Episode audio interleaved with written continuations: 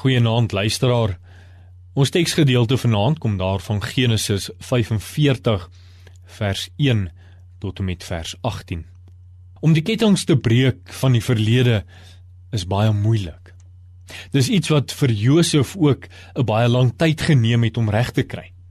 Maar toe Josef 'n paar dinge besef, toe begin dit vir hom makliker word om vry te kom van hierdie kettinge van sy verlede wat hom nog altyd so vasgebind het om vry te kom van hierdie haat wat hy vir sy broers gehad het.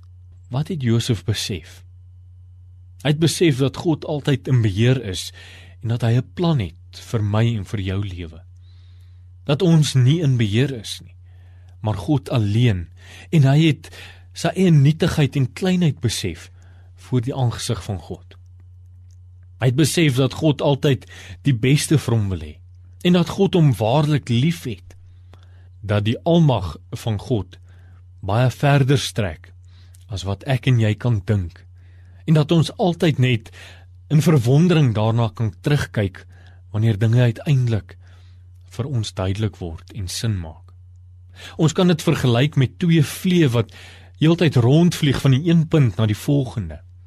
Heeltyd besig is met hulle eie idees en hulle eie planne en wanneer hulle uiteindelik by die motor se ruit uitvlieg, Dan besef hulle eers maar hulle is nie meer in Johannesburg nie.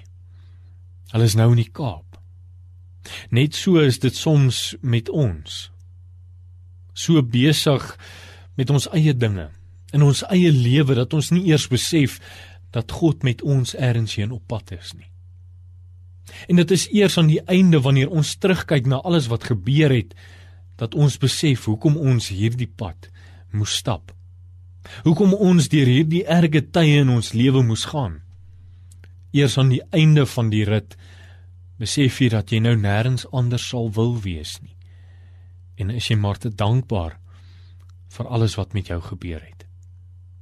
Eers aan die heel einde kon Josef self ook besef wat sy rol in die koninkryk van God is.